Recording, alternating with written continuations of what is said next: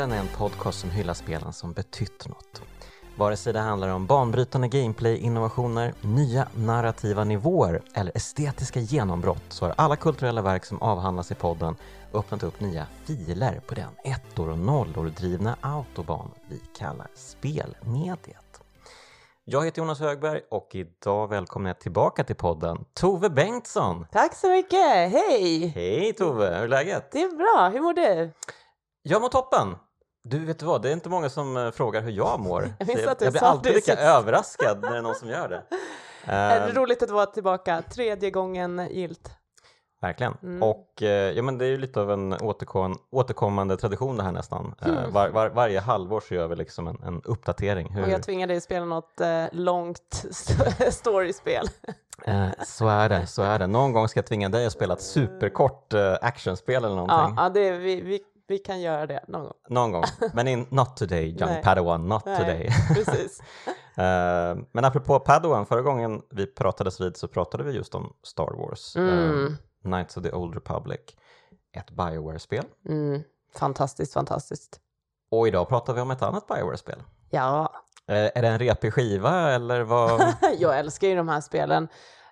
Det är ju kul att spela, att gå tillbaka nästan till deras origin och sen spelar man nyare spel. Man ser ju verkligen hur de förfinar den här formulan Mm. per spel.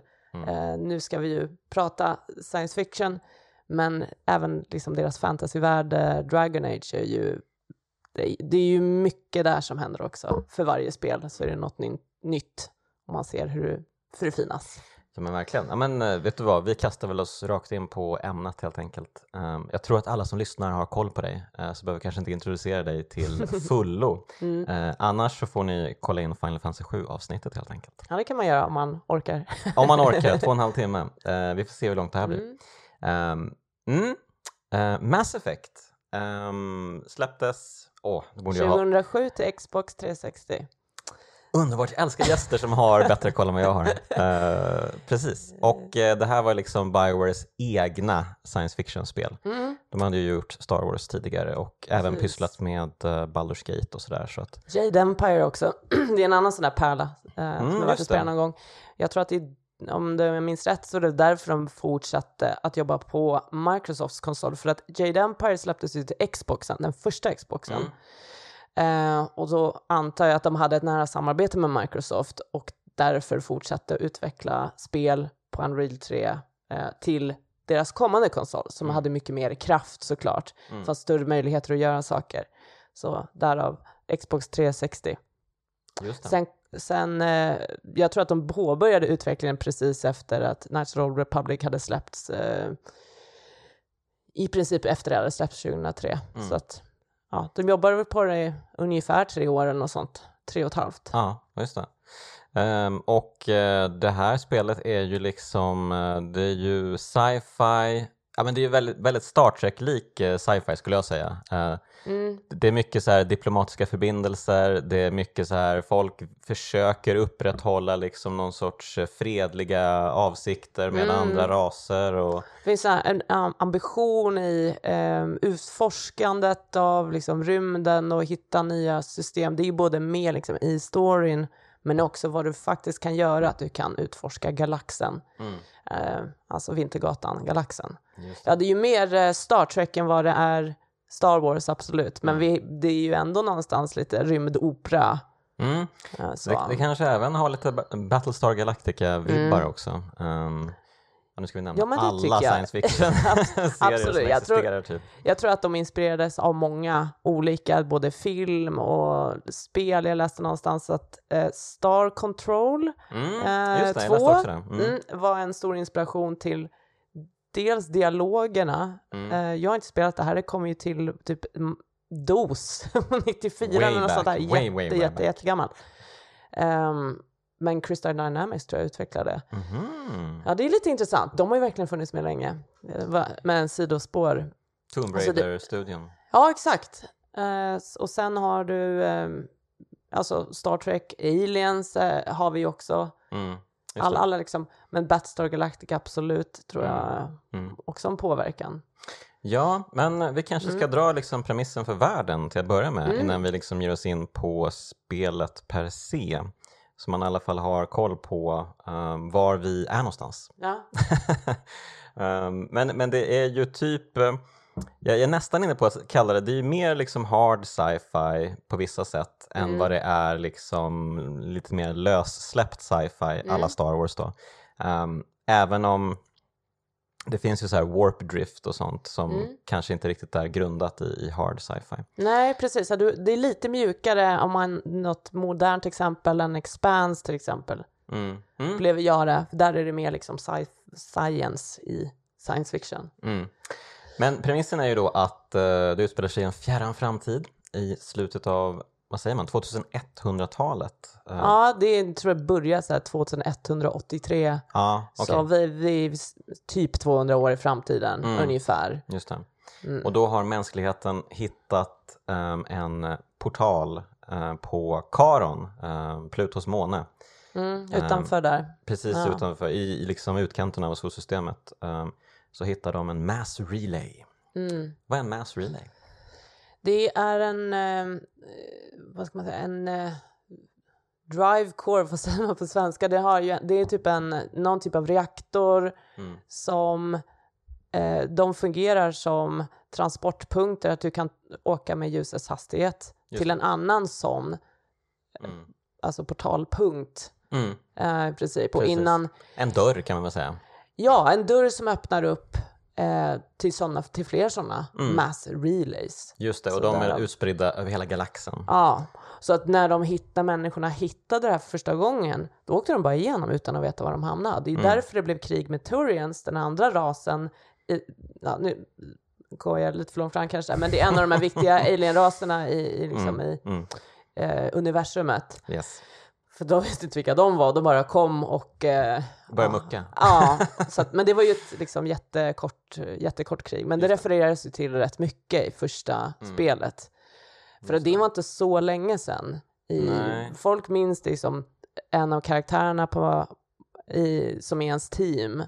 Hennes morfar är ju, han fick lite så här, honor, dishonorable discharge för att Mm. han gav upp sin position i det här första kriget mot Turians.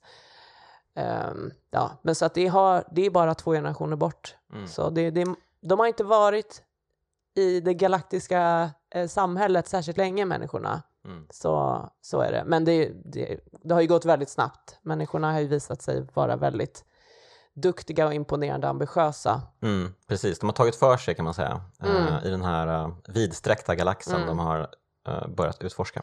Men också väldigt bra på samarbete. Så det är ju Mm. intressant för att de, de krigar då initialt mot Turians. Mm. Men sen så börjar de ju ha militärt och liksom teknologiskt utbyte och samarbete. Och det här skeppet man åker om, omkring på, det är ju en, det är både Turians och människorna som har byggt det. Mm. Det. Så att det, från att ha haft krig för inte så många år sedan så har man samarbetat. Så, att, Mm. ja, så de människorna har visat framfötterna.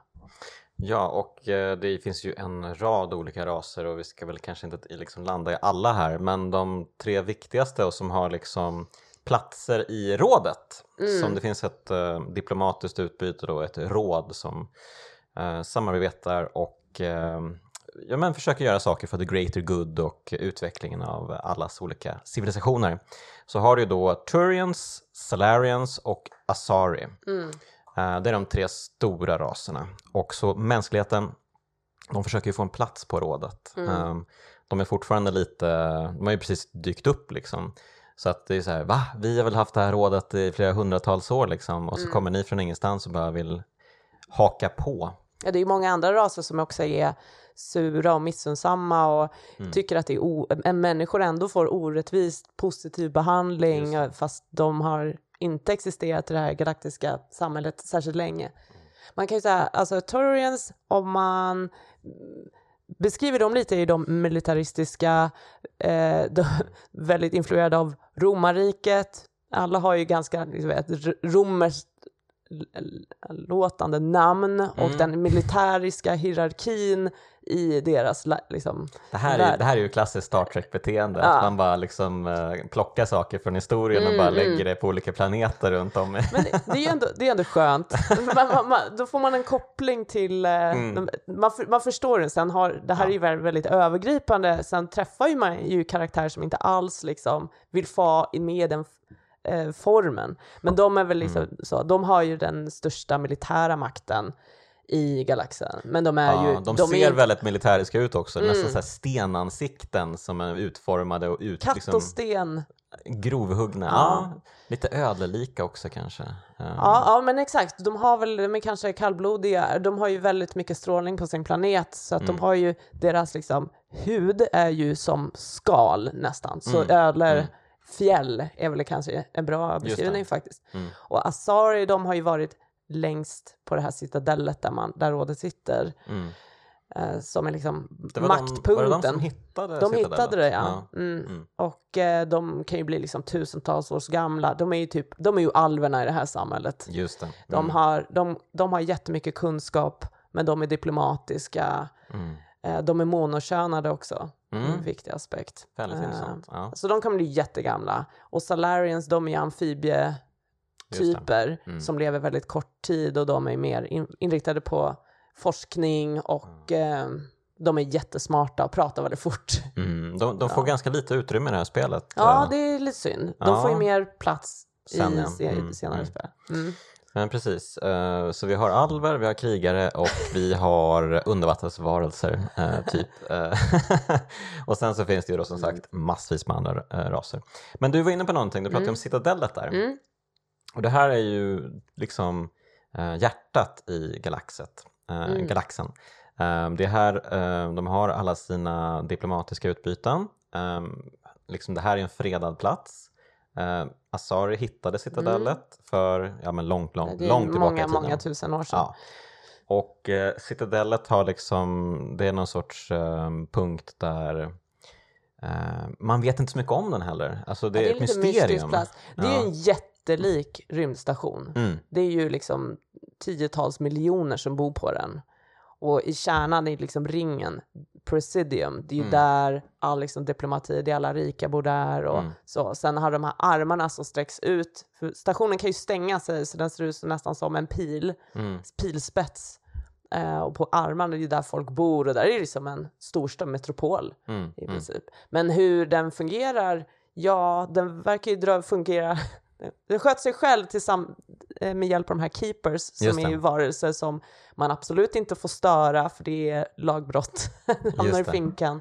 Och de går och fixar på den här eh, rymdstationen utan riktigt att Precis. folk Och- fattar hur det Exakt, funkar. för de är ju organiska varelser, keepers, men det de. de, det, man vet väldigt lite om dem Mm. och man får liksom inte forska på dem ens för Nej, det är också, det är också lite förbåten. Ja. Det finns ju sidouppdrag som det är en Ja. snubbe som vill hålla på. Ja, kan du springa runt och eh, typ eh, Scanna alla keepers. scanna alla keepers Mm. liksom. Um, fastän jag vet att det är superförbjudet och sådär liksom. Mm. Ehm, vi, måste, vi måste få reda på mer, vi måste veta vad det är som pågår här på Mm. Citadellet.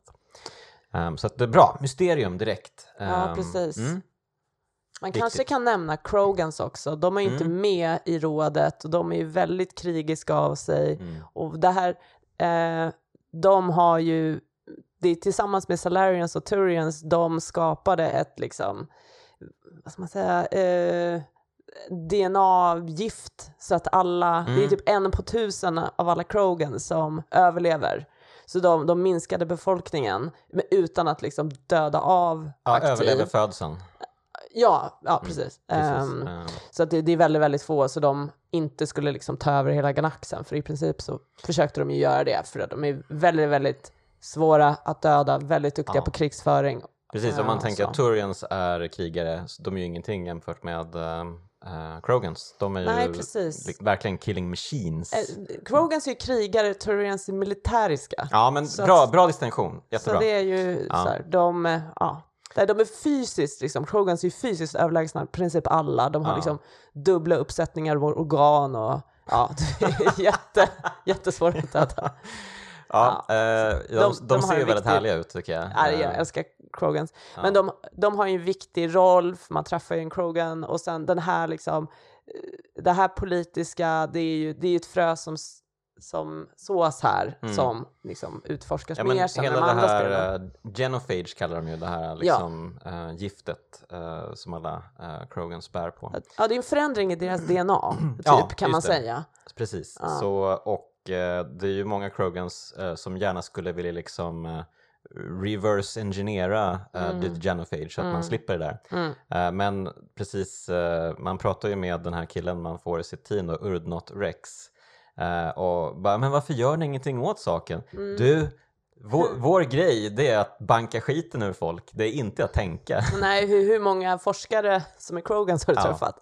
Ja. Exakt, så att de, de, de sitter i skiten helt enkelt och Mm. de vet om det och eh, det är typ olösligt. Mm. Um, och resten av universum, av resten av galaxen tycker ju att det är skönt.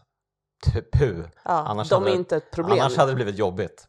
mm. Ehm, precis, så det är ju lite av en moralisk eh, så här, pendang sen som vi Ja. kommer till senare i spelet också. Um, vi kommer att toucha på det här med Mm. genophage och så. Mm.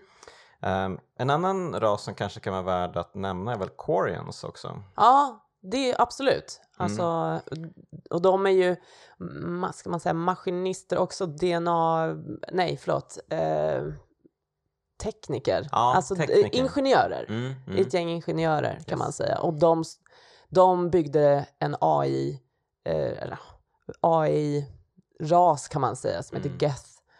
Fast de byggde dem inte som att det skulle bli en AI, utan de byggde dem som robotmedhjälpare. Men då tweakade de hur, alltså, till, till den graden att till slut så fick de här Geth ett medvetande, för de har ett kollektivt medvetande. Mm. Så fungerar de och Så drevs från The sin hem- Borgs av den här... Ja, exakt. Det Mycket Star Trek, ja, men det är absolut. Mm, mm, Mm, och så då blev det ju ett krig mellan Quarians och Geth mm. och eh, Quarians drev från sin, drevs från sin hemplanet. Och eh, det här var ju typ 300 år sedan, något sånt. Ja, något Eh, sånt. Mm. och de har varit nomader sedan dess. Just det, så de att de åker har- runt i en flotta med rymdskepp liksom. Mm. Och eh, så skickas eh, unga Quarians ut på eh, uppdrag där de ska försöka hitta sig själva och Ja, bi- pil- bidra. Pilgrimsfärd. Ja. eh, för att kunna bidra till eh, flottan på Ja. ett eh, bra sätt. Liksom. De har nu väldigt intressanta eh, ras. Alltså, Mm. Det är en jätteintressant ras tycker Ja, jag. verkligen. Och de, de, kan ju, de kan ju typ inte um, andas någon luft förutom luften på sina skepp typ. För att det måste vara så här kliniskt rent eller någonting. Ja, det- väldigt... e- efter 300 år i steril miljö, Mm. bara i rymdskepp, så kan de inte hantera alltså, floran in på någon annan plats. Just Så de, därför går de runt i dräkter hela tiden, Mm. som alltid. Och så, det gör de ju väldigt sårbara, till exempel i strid så har du ju, får de ett hål i sin dräkt, då kan de ju få jättehög feber och bli sjuka och dö av det. Mm, mm. Så att de är ju, ja, de är sårbara utanför sin flotta. Ja, men vi kanske ska dra karaktärerna som medverkar innan vi går in på handlingen. Mm. Det, det kanske är bra att känna till alla, ehm, alla spelare så att säga. Ehm, vi har ju då Commander Shepard som är Mm. huvudpersonen Mm. och eh, man får ju välja som spelare om man vill spela som en man eller kvinna. Eh, men jag antar att eh, alla som har huvudet med sig väljer fem käpp. Ja. Ehm, hon De är ju- jättebra röstskådisar båda två, men jag tycker hon är vassare. Mm. Eh, Jo, men jag tycker hon är mycket roligare att, eh, för att eh, titta Mm. på för att han, Mm. han ser så jävla tråkig ut. Ja. Superträbock verkligen. Och visst, hon, hon, har ju lite, hon har ju samma stil sådär, väldigt Mm. sådär, tuff och hård och så, men det är mycket roligare att se en, en Mm. kvinna eh, se tuff ut ja, än ja, en klassisk alfahane liksom. Det är ju Jennifer Hale som gör hennes röst, som är Mm. fantastisk. Eh, hon gör ju också rösten till Bastila Sean i Nice Draw Republic, som vi Just pratade det. om sist. Mm. Och har gjort många andra röster i Bioware-spel. Mm. Och Mark Mayer gör rösten till eh, Mailchap. Mm. Han är jätteduktig också, så man ska inte... Ja. Men jag håller, jag håller med. Han, är, han blir lite för mycket av en hård bara marine. Mm. Eh, så det är ju Mm. roligare. Jag tycker, jag har spelat det som, som mailköp, men jag spelar alltid som femköp. Hur många gånger har du spelat spelet? Jag vet inte. många gånger, många Okej, gånger. okej, okej. Det, det, En gång som mailköp. Ja, Okej. Mm. Good, good, good. Eh, sen har vi då eh, två till människor som man kan ha i sitt eh, team. Eh, man har ju liksom en, en grupp då som man tar på uppdrag i, till olika planeter och så. Ehm, så då har man en kille som heter Kaidan Alenko, Kaidan, Ja. och Ashley Williams. Ehm, och de här två är ju stentråkiga skulle jag vilja säga.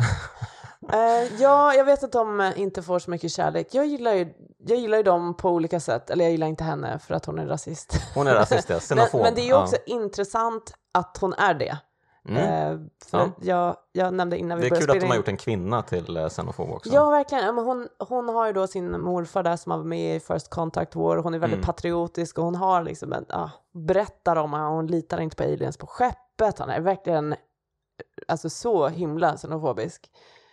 Eh, så hon, det är ju, det är ju en viss karaktär i alla fall. Mm. Men hon är ju liksom militär eh, marine. Mm. Det är väl Kaden också, men han är också biotic och det är ju Mm. den här universumets magic. Magi, ja, Ja. precis. Ja. Eh, Asari är naturligt. Alla Asari är Mm. biotic och det har någonting att göra med planetens flora och va, sådär. Mm, Eh, mm. Men alla människor som är biotic, de har ju ett im- implantat i huvudet. Mm. Så det är väl lite hans story, att han har ett gammalt implantat som ger honom Mm. migrän och så. Så har han ja, hans backstory Mm. om hans brain camp som han kallar det för. Brain Camp, precis, Mm. just det. Mm. Mm. Eh, ja, nej men eh, det finns ju roligare karaktärer, det gör det ju. Absolut, Ehm, absolut. som till exempel Garrus Vakarian. Garrus Ehm, bäst. Han är inte bäst i det här spelet egentligen. Nej, det skulle jag inte säga Eh, heller. men, men, nej, det är ju, det är ju så. Det är en- det är en karaktär som verkligen vidareutvecklas i senare Mm. spel. Eh, Men eh, han är ju en Turian och eh, han jobbar väl på The Citadel eh, Ja. i CSEC. Den ja, här, eh, Citadel Security, är polis. mm, Han är ju precis. snut. Men som inte, han hatar att allting är liksom så himla, ja, det är rött snöre på allt. Eller liksom. Ja, kan, ja, det, Ja. och eh, man kan inte liksom, gå över någon gräns. Mm. Eh, det går inte. Alltså, han är väldigt frustrerad över att man Mm, inte bara mm. kan. Det borde inte spela någon roll om jag vet vem som är mördaren. Borde inte spela någon roll på hur jag liksom, haffar den personen. Det- Målet helgar medlen lite så. Just det, precis. Ehm, Ja. så, så han är ju det. Och Mm. han kommer ju då från väldigt militärisk familj såklart. Mm, mm. Mm. Just det. Eh, och sen var vi inne på Urdnot Rex, den Mm. här Krogan-killen då, eh, som, eh, ja men eh, han, han säger vad han, vad han tänker helt enkelt. Ja, absolut. Ja, men han är ju en sån här legosoldat och Mm. eh, han, han kör väl på det som är bäst för stunden. Och han vill också sätta dit den här eh, skurken man är ute efter. Mm. Så därför hakar han på. Ja, det är precis. Det är väldigt mycket så här, eh, ja men eh, vi, vi har ju samma intressen här. Ja, att, ja, eh, exakt. Så alla har samma agenda.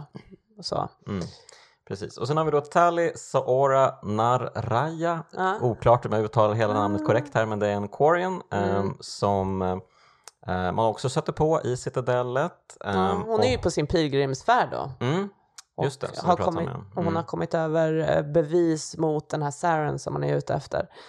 Mm. Så hon hakar på Mm. teamet på så sätt. Man räddar henne och eh, ja, sen vill hon vara med och hjälpa till. Mm. Se. Just det. Mm. Och eh, Liarat Soni, Mm. Asari och eh, hon kommer ju sist av alla Mm. eh, att joina ens grupp och så. Hon är ju på ett uppdrag man hittar på en planet liksom senare i spelet. Mm. Eh, och ja, hon är ju väldigt så här, extremt så här, vetenskapligt inriktad, mycket his- historiker som vill få Ja. koll Ja, på... Hon är ju arkeolog. Ja, men arkeolog. Som är Mm. fokuserad på den här utdöda rasen Protheans. Mm, Och det man tror är att det är Protheans som har byggt alla dessa mass relays. just. Mm. Ja, nej, men hon är ju en supernörd och är Ja. lite dålig på sociala interaktioner. Ja, och hon är ju eh, en, den enda karaktären som båda könen av Shepherds kan få en romance med. Mm. Ehm, precis, så att, eh, det är ju intressant såklart. Ehm, och eh, sen har vi några liksom sidokaraktärer som kanske är värda att nämna också. Captain Anderson, ehm, det är ju ens eh, förbundskamrat på Citadellet. Mm. Han försöker liksom pusha för Shepard. Um, mycket i, tidigt i spelet handlar ju om att hon ska kanske bli uh, en Spectre. Spectre. Ehm, Mm. mm. Special Tactics and Reconnaissance Force tror jag. Alltså, oj, oj. Ja. det är ju alltså superagenter som eh, Mm. bara lyder under Citadellets, eller rådet på Cita- Citadellet i princip. De har Ja. obegränsad makt. Men Mm. Captain Anderson är ju initialt så är ju han den f- överen i eh, hierarkin. Mm, Det är ju han mm. som är liksom boss eh, i det här System Alliance. Det är ju det som är, Mm. liksom, representerar människornas intressen i eh, galaxen. Mm. Så han, han är ju ens överordnad. Mm. Och sen fortsätter han vara med som en viktig eh, karaktär kan man ju säga. Ja. Ehm, och så har vi Joker på skeppet. Mm. Eh, det är ju en fanfavorit. Jag Ehm, älskar Joker. Han, Eh. eh, det väl Seth Green som Ja, gör rösten till Joker. Ehm, och eh, ja, men, Piloten. Ja men en, en eh, cool kille som har ben som kommer gå sönder så fort han typ rör sig. Ja, Ehm, Men han är bästa piloten. Och han eh, tillför väldigt mycket rolig dialog Ja. jämt. Verkligen. Ja, men det är alltid härligt att prata med Joker. Mm. Eh, så då har vi då kanske skurken, kanske man ska nämna också, Saren, Mm. um, också en Turian och en Spectre. Mm. Som, ja men vi kan väl helt enkelt komma in på hur spelet börjar här kanske. Mm. Eh, för man får ju då i uppdrag att eh, åka utforska Eden Prime, en koloni Mm. där man har hittat någonting väldigt speciellt. Ja, man får inte information om det först, utan eh, de säger bara att de ska ta den här nya fina specialskeppet som, är, som har en liksom stealth drive. Mm. Eh, så det, är, det är ju specialbyggd. Människor, Turians har jobbat på det ihop och sen kan den också åka stealth. Det är ju typ inga andra Mm. färdkoster som kan göra det. Normandy. Ja. Ja. Ehm, som, man, som har ju typ en egen, det är ju typ en egen karaktär Mm. kan man nästan säga. Ja. Eh, och så, men de tycker att det låter suspekt att det är, eh, de bara ska och testa skeppet. Mm. Men det visar sig att de har den här, de har en annan Turian ombord som också är en Spectre. Det är många Turians här. Mm. Eh, Nihilus heter han. Mm. Och eh, han ska utvärdera huruvida Shepard passar in i Spectre, ehm, ja, i Spectres. Mm. Så att det är därför de åker dit. Och sen har de ju hittat, de har ju hittat någon liksom Prothean, alltså En sak. beacon. En beacon på, Mm. på Eden Prime. Men Yes. innan de hinner landa så är det ju, får de ett eh, nödsamtal. Och det är ju någonting som attackerar liksom, den Mm. här kolonin. Mm. Eh, ja. Mm. Och när man väl landat och eh, skiten träffat fläkten Mm. eh, så blir man ju ganska snabbt varse om att det är The Geth. ja. Eh, den här robotrasen då som Corians skapade. Ja, som inte varit utanför det området, alltså Quarians gamla hemplanet i princip, mm. på 300 år. Så det är jätteskumt att Ja, de det är är en här. stor grej verkligen. Mm. Vad gör The Geth här liksom? Och eh, ja, alltså det här liksom inledande uppdraget, man får springa runt och ta del av ehm, spelsystemen, eh, skjuta. Ehm, det är ju liksom ett actionspel med rollspelsinfluenser, Mm. man kan liksom uppgradera sin karaktär på olika sätt. Ehm, jag skulle vilja säga att, det, att det, det är ju verkligen inte det roligaste att spela actiondelen av Mass Effect. Ja, det, det fick ju liksom kritik när det kom, att det inte Mm. var så bra. Nej. Det var ingen bra shooter. Det är ju mycket bättre i tvåan. Mm. Det är, det är lite svårt eh, använda liksom, abilities och skjutandet. Det är Ja, inte superroligt, mm. nej. Precis, man kan ju själv få biotics grejer och sånt Ja. eh, så att eh, man, man kan ju använda typ the force. eh, Ja, precis. Men det är ju verkligen, Men- det, man kan också bara strunta i det för att det, Ja. det har inte sån stor vikt Nej, i det här inte. spelet. Precis, man, man skjuter med olika puffor och eh, precis. klarar sig hyfsat bra.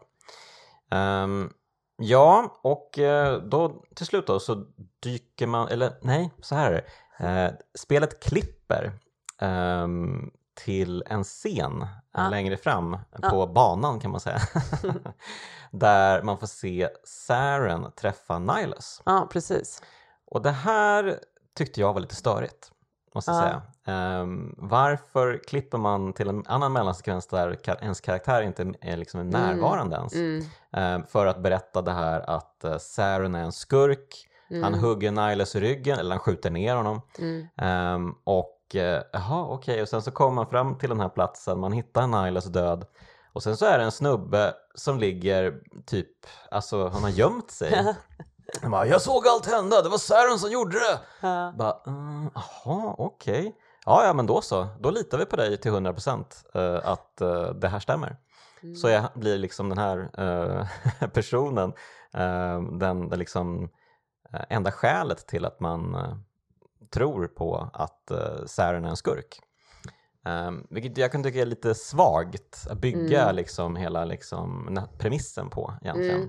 Det är väl därför cutscenen är med, för att annars skulle man inte som spelare faktiskt tro på den här karaktären. För han är ju någon typ av smugglare som har somnat på jobbet. Ja men han är ju väldigt uh, boozy och väldigt så här uh, lite, Ja. ja.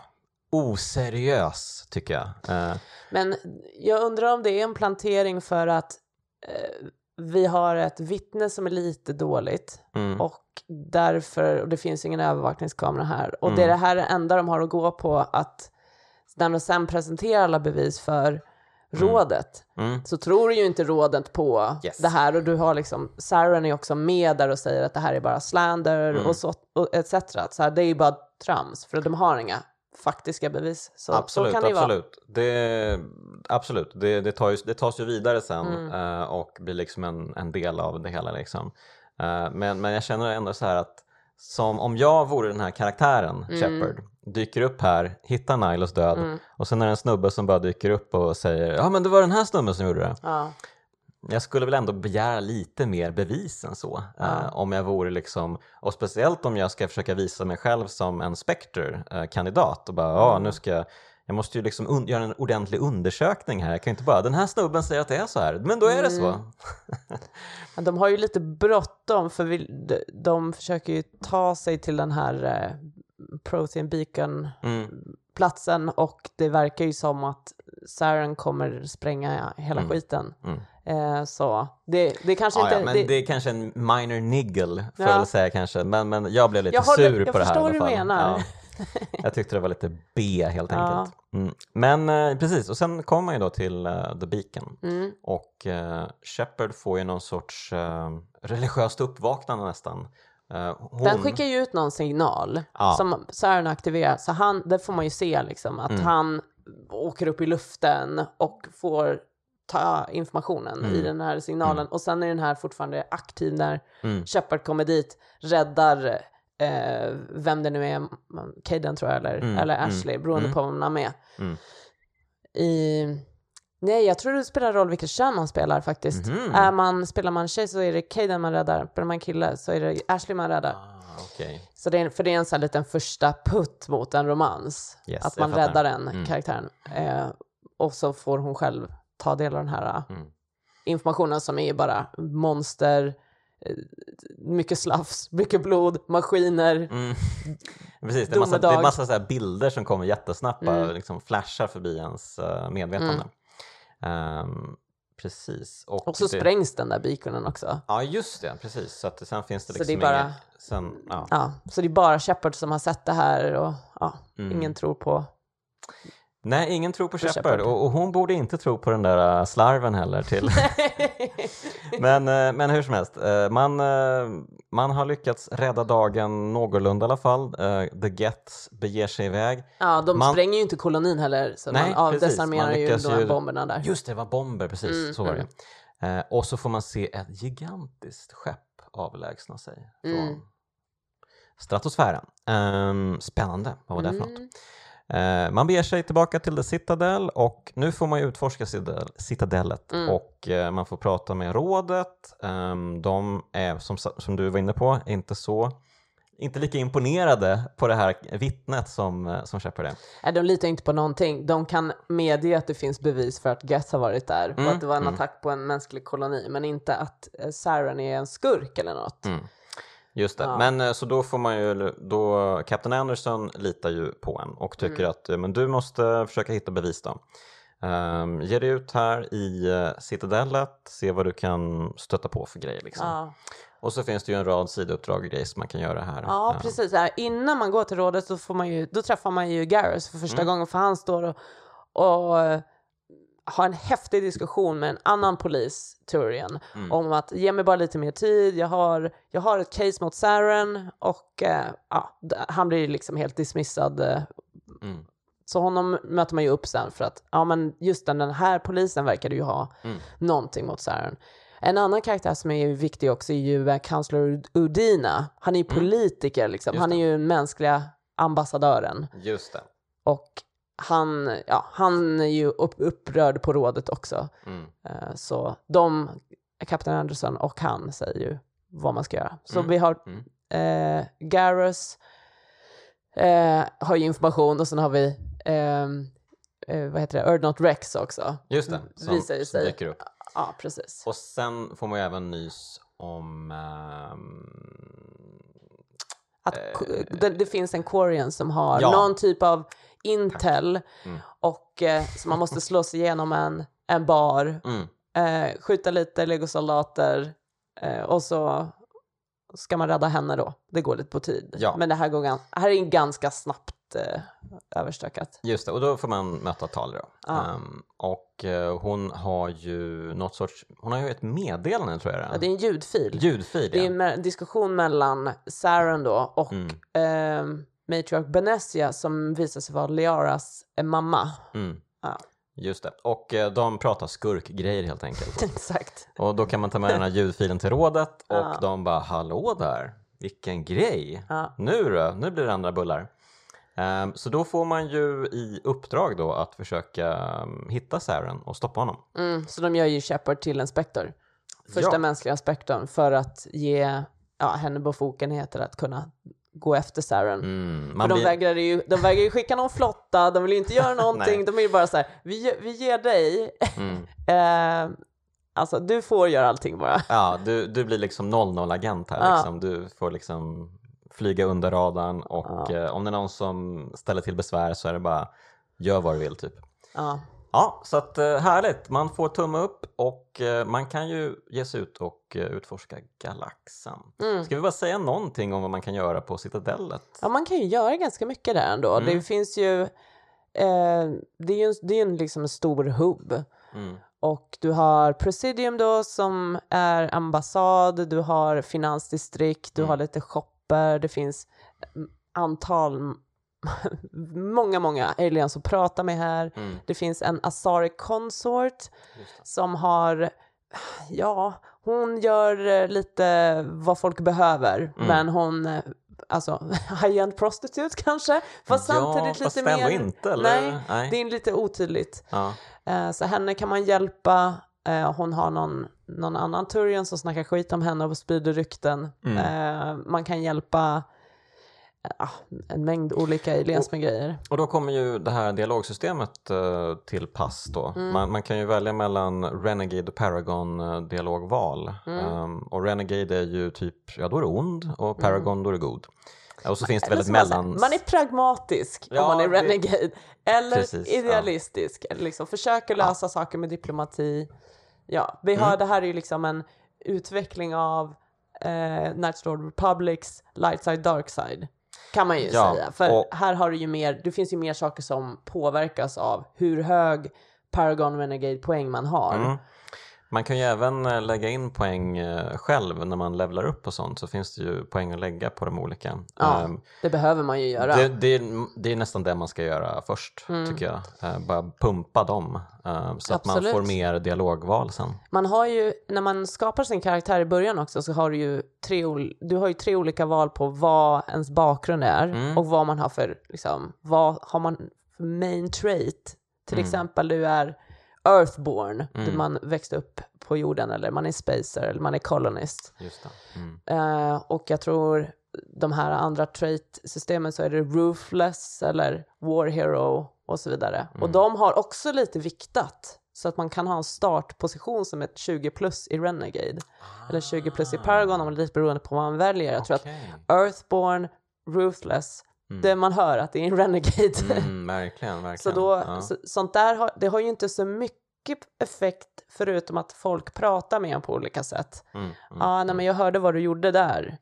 Ska vi verkligen ha, det, det första, första man hör i spelet, eh, Shepard tittar ut genom liksom, fönstret eh, på skeppet, så är det ju en voiceover med eh, Anderson och Udina så säger jag, men ska vi verkligen ha den här typen av person? Ja, men det är ju en, ändå Shepard som, som behövs för det här uppdraget. Mm, och det, mm. ja, så då refer, de refererar ju till de här grejerna lite Mm. då och då. Just det. Och Ja. sen eh, precis, så ens bakgrund är ju att man var liksom ensam överlevande på ett uppdrag eh, Ja, för den några år ju, sedan. som- den finns ju Den, som ett den, den har väl alla liksom Nej, varianter? den här, jag tror att det finns, du har Soul Survivor, den är en, Mm. War Hero eller Ruthless, där har du tre olika liksom, Mhm. traits. Okej, vad spännande. Eh, sen har du då eh, bakgrunden är en spacer, alltså man har alltid varit i rymden. Mm. Eh, Earthborn, man är, man är föräldralös, uppväxt på jorden. Mm. Colonist, då har man upp, blivit uppvuxen Mm. alltså, i en, eh, på en koloni. Okej. Och de här då spelar lite roll på hur mycket startpoäng man har, lite hur Ah, va, okej. folk pratar med en och så. Ja. Men det, alltså, det spelar ingen roll när man pratar med liksom andra, Mm. eh, ens party. Så det är särskilt mycket. Det, det är lite flavor bara. Mm. Mm. Eh, Mm. Nej, men det är ju bra om man pluttar ut de här eh, Paragon Renegade-poängen. Mm. För att det är ju det är ju ganska viktiga saker som kan hända om man lyckas låsa upp de här.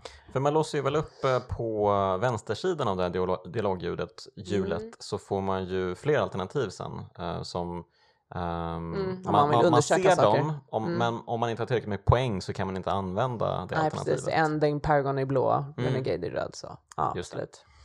Precis. Ehm, så det är jätteviktigt att kunna prata med folk i det här spelet. Ja, man kan ju lösa problem utan att slåss till Mm. exempel. Eller vissa, vissa saker kan man bara utföra om man har de här liksom, Mm. poäng. Det finns ett eh, sidequest där på Citadellet där det, det är en, alltså en CSEC-officer som står och pratar med en Hanar, de här rosa, väldigt religiösa varelserna. Just det, just Och det. ja. eh, den Hanar personen, Ja, den hur ska står... man beskriva Hanar? Alltså, ja, det de är, är jellyfish. det är en blobba typ. ja.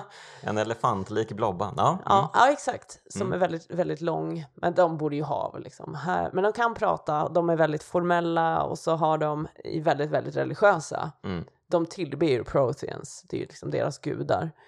Eh, och den vill ju stå där och predika och då säger den här polisen, "Nej, men du måste ha tillstånd.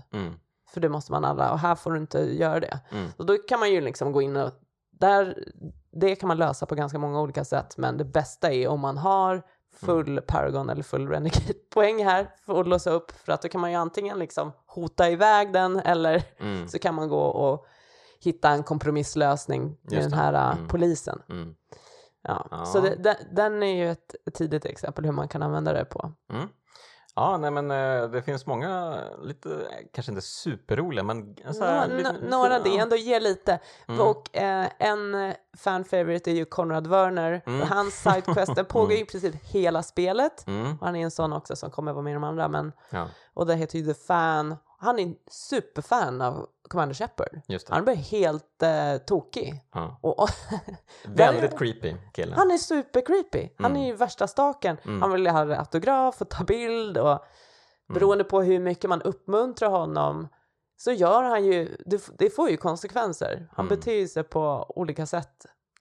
Just han är, ja han pratar ju så, om sin fru och grejer. Man bara, men ärligt, hon måste ju tycka att han är helt sjuk. ja. Och Ja. som sagt, han dyker upp i de andra spelen också. Mm. Och jag antar att om man har liksom uppmuntrat honom i ettan så... Det är inte, alltså att spela Paragon, det betyder inte nödvändigtvis att allting blir bra. Nej, Allting går nej, bra. nej, nej, det får inte. bara en annan typ av konsekvens än om du upp liksom går och bara, ah, den här reportern är ju också en Just det. annan Mm. som, eh, vad heter hon, jag kommer inte ihåg, eh, Mm. men hon är ju, hon har liksom ett långt namn och så eh, ställer hon ganska störiga frågor. Ja. Och precis, eh, precis efter man har blivit Spectre så blir man intervjuad. Mm. Och henne kan man ju bara slå på käften. Mm. Det kan man göra i alla spel. Yes. Men eh, eh, ja, och sen tycker ju då alltså mänskliga militären dåligt bra beroende på vad man gör där och typ Precis. slår man henne Mm. det är inte bra att slå prästen då får man liksom en utskällning Mm, och mm. så Just det. det, det har ju olika effekt Mm. Eh, vi lämnar Citadellet Mm, och mm. pratar lite om, om galaxen i stort. För nu, sen får man ju, eh, man får ju några pointers typ, eh, ja men eh, det här solsystemet, och det här Ja. solsystemet, eh, här finns det grejer. mm, Och sen får man ju liksom, det kanske är typ 20 solsystem, mm.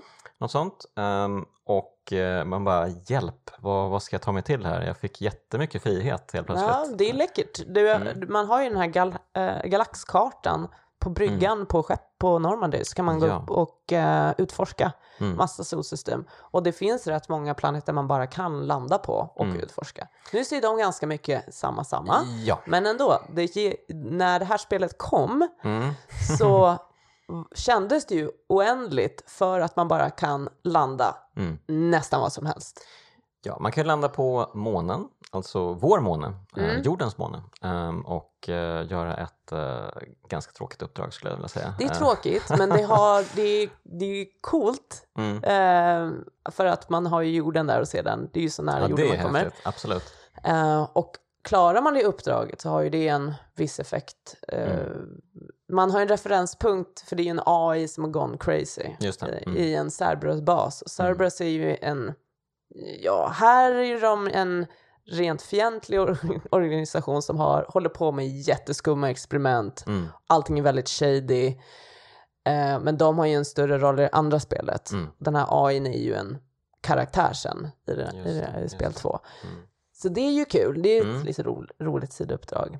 Ja, eh, kanske roligare om man är superfan av serien och har Ja. koll på allt som kommer sen.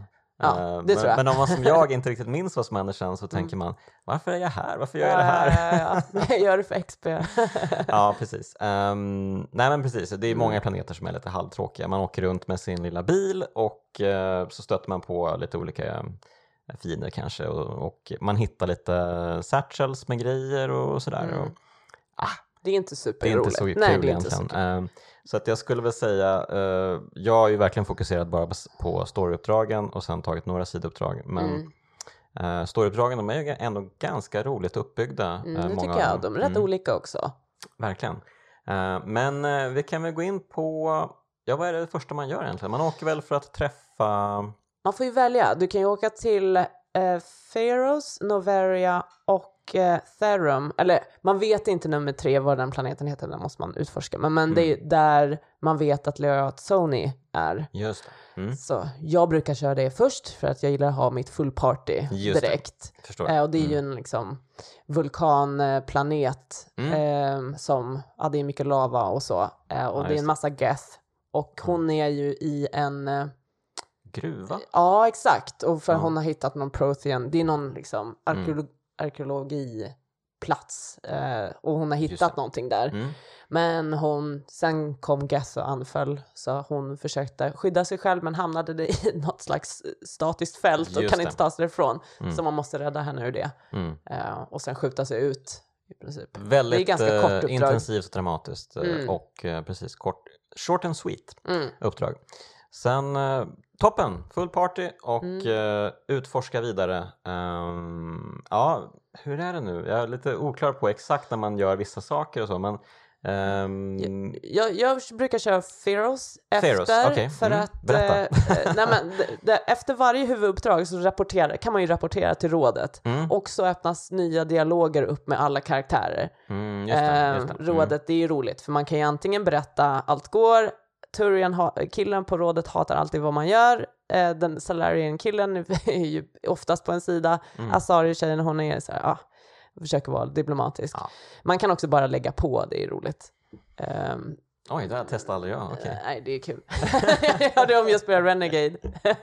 Okej, för ja. att, eh, why not? Mm.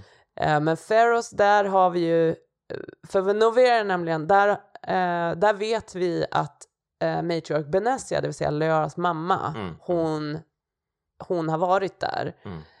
Eh, så det, det beror ju på liksom, man kan ju gå dit först, det är ju helt fritt upp till en. Men Pharos i alla fall, det är ju en mänsklig koloni eh, med en stor forskningsfacilitet i närheten. Mm. Och där är Geth också attackerat. Mm. Och eh, det är en koloni, man måste försöka, man räddar den Mm. och eh, försöker ge dem, om man vill, styra upp vatten och mat och sådär. Just det, just Men de är det. lite weird. Ja, jag Alla gillar inte dem. Nej, nej, nej, jag vet. Alltså inte jag heller. Eh, de är ganska konstiga.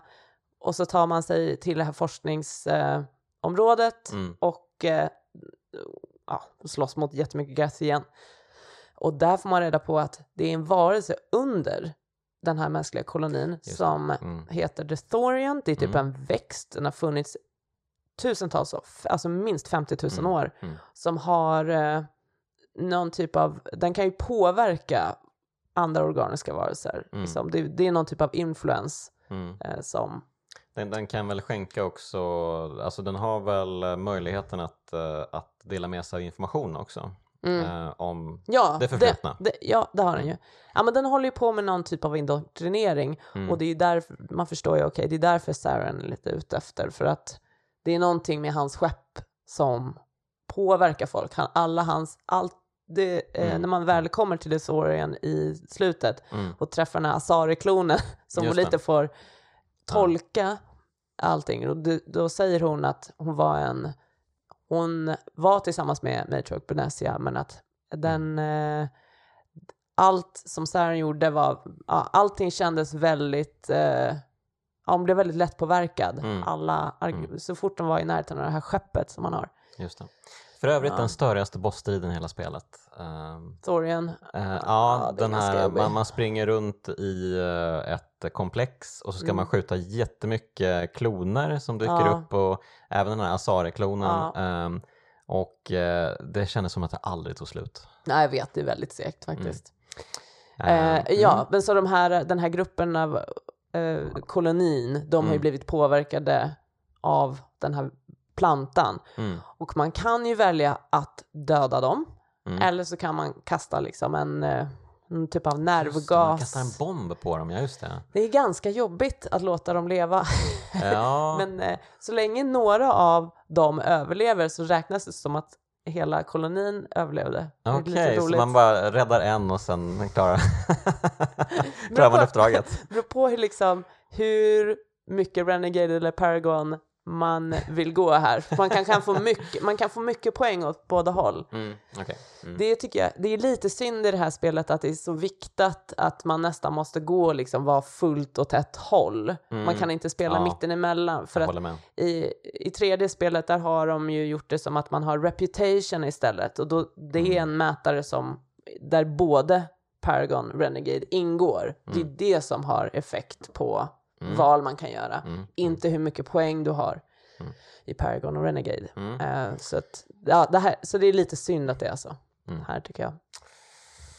Ja, jag kan bara hålla med. Ehm, men eh, ja, och eh, när man är klar med det här då så drar man vidare. Um, alltså man, man, man, Liara hjälper ju en att eh, avtäcka den här liksom, informationen man fick från The Beacon. Ja, Så att man får lite bättre koll på läget, typ eh, om The Protheans, eh, mm.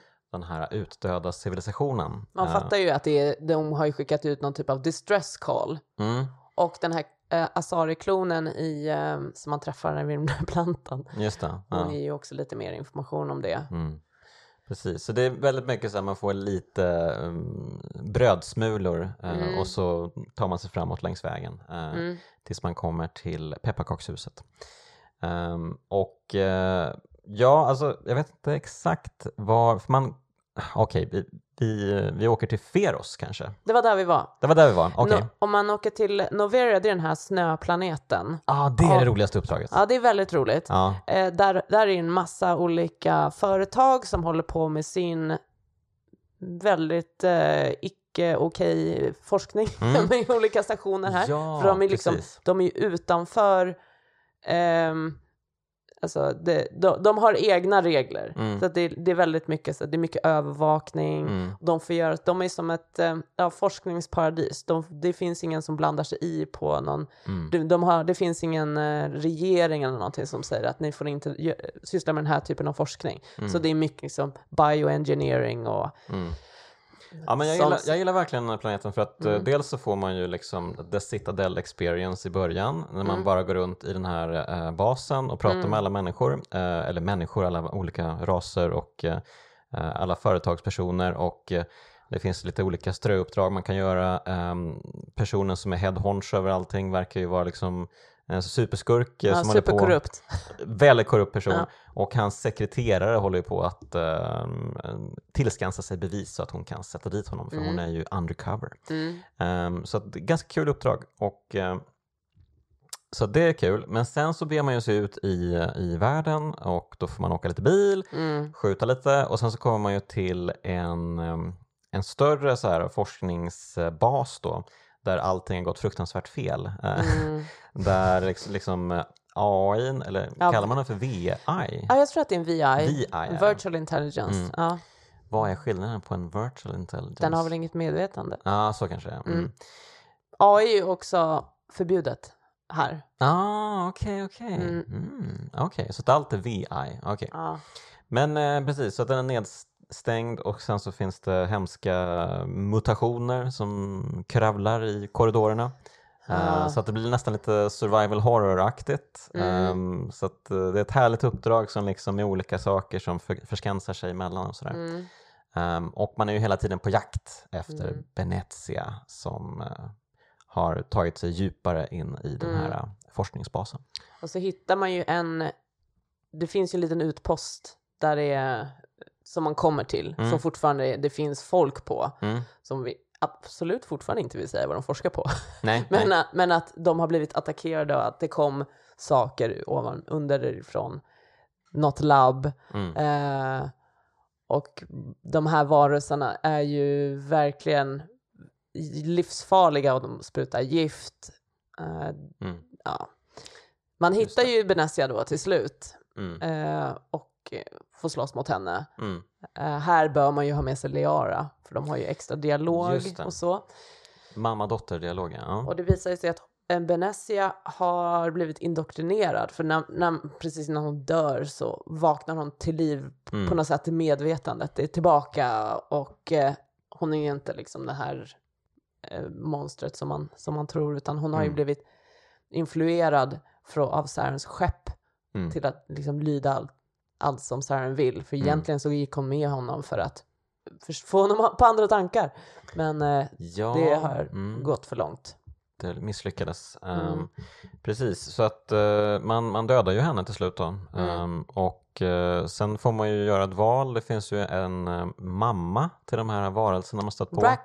Racknine, det är precis. en ras som är utdöd trodde man. Mm. Eh, och eh, det är därför eh, Krogans blev liksom in, indragna i det galaktiska systemet för att Mhm. Rackna var ett så stort problem. Just det, så var det. Eh, Mm. Så att Salarians eh, besökte ju Krogans och bara kan ni hjälpa oss med Rackney? Så Mm. att Krogans var ju, de har ju en staty på citadellet för att de, det är tack vare dem som Rackney utrotades. Mm. De är ju liksom eh, insektsvarelser. Eh, Ja, som, ja, som kan kommunicera telepatiskt. telepatiskt ja.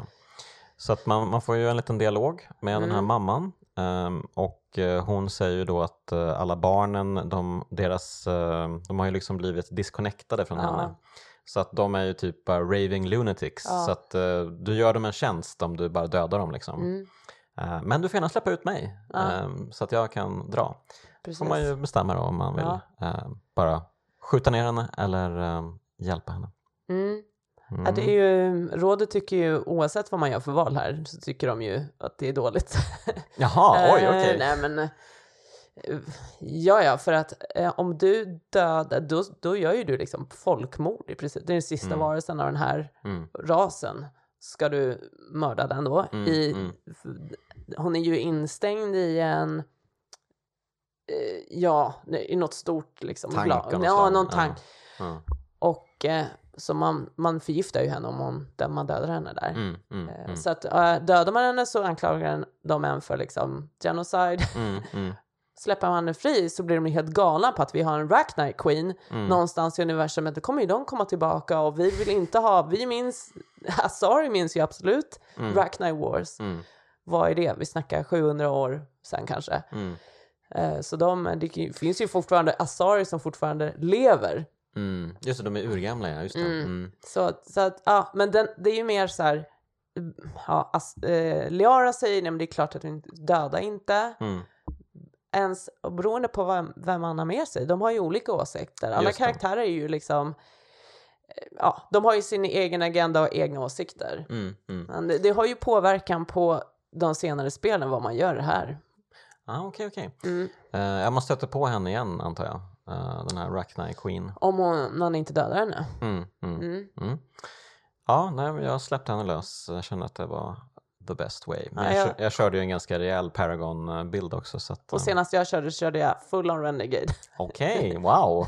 Du var stenhård alltså. Det är nästan roligast, tycker Mm. jag. Just, eh, jag kan inte riktigt spela spel så första gången, men när jag spelar om, då är jag Ja, mer jag okej vet, med eller hur? Det är Mm, svinsvårt att börja som uh, onding i sådana här spel. Mm, mm. Man vill ju liksom veta vad, ehm, vad ska man säga, De the real story är när man är Ja. superhjälten och sådär liksom. Ja, exakt. Eh, och sen så bara, nej men nu kryddar vi till det. Ja. Mm. Nej, men man är ju inte ond. Jag menar det. Alltså man, Nej, pragmatisk. nej, men det är absolut, det, det är ett annat sätt lagd. att se på saken. Ja, Mm. eh, ja, precis. Och sen får man ju då rapportera det här och sen berättar även rådet att de har fått någon typ av eh, nödsignal från en annan planet där de Mm. har eh, nå- dit de skickade andra units. Ehm, Mm. Vermeer. Mm, just det, Vermeer. Det här man får göra ett väldigt svårt val. Ehm, Mm. eller ja, svårt och svårt, det beror på vad man, vad man tycker om Urdnot Rex. Ja, verkligen. Mm. Eh, men vi tar oss dit. Ja. Vi hoppar ner och man åker bil jättemycket, skjuter på saker och ting, öppnar portar, bla bla bla och till slut så kommer man fram till den här lilla enheten eh, Mm. som skickades dit eh, tidigare idag. Det är ett Salarian Recon Team. Vad kul att se Solarians Ja. som liksom ute och fightas. De är toppen här också. Det, Ja. även när jag spelade det här Renegade sist, för jag älskar Captain Kirahi, han som man eh, träffar på, Mm. som ju liksom refereras till senare i, Mm. i de andra spelen.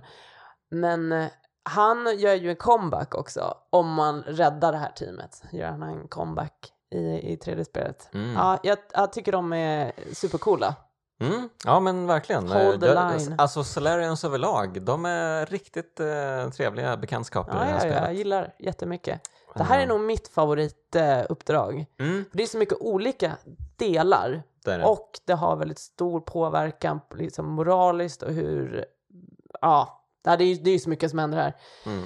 Ja, precis. De berättar att det finns en, att CERN håller på i och eh, eh, göra, eller ogöra genophage Mm, mot Krogans yes, och skapa sin egen Krogan Army precis. i princip. Hans tanke är ju då att eh, helt enkelt uh, uppfostra tusentals uh, Krogans här Mm. och eh, skapa sin egen privatarmé. Mm. Ja, och Captain Kirahi säger de är ju liksom pinned down, det finns ingen radio, eh, det, det finns ett jättestor eh, kanon som skjuter ner skepp och ja, Mm. så vi har delar här vi behöver spränga den här eh, faciliteterna, Mm. eh, för kloningsfaciliteterna eller vad det är Mm, mm. och sen alltså Vi måste sätta P nedgöra det här. här. Ja, Men, här men, kanonen men också. då eh, finns det ju en person i ens party som tycker att vänta lite nu Ja, här. nej, men vad fasen, äntligen hittat någon som håller på och försöka få bo- bot på det här genophage Mm. så ska vi spränga allting. Mm.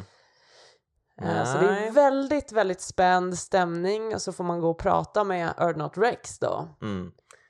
Och det är ju ett samtal som eh, kan sluta med att han blir eh, nedskjuten helt enkelt. Mm.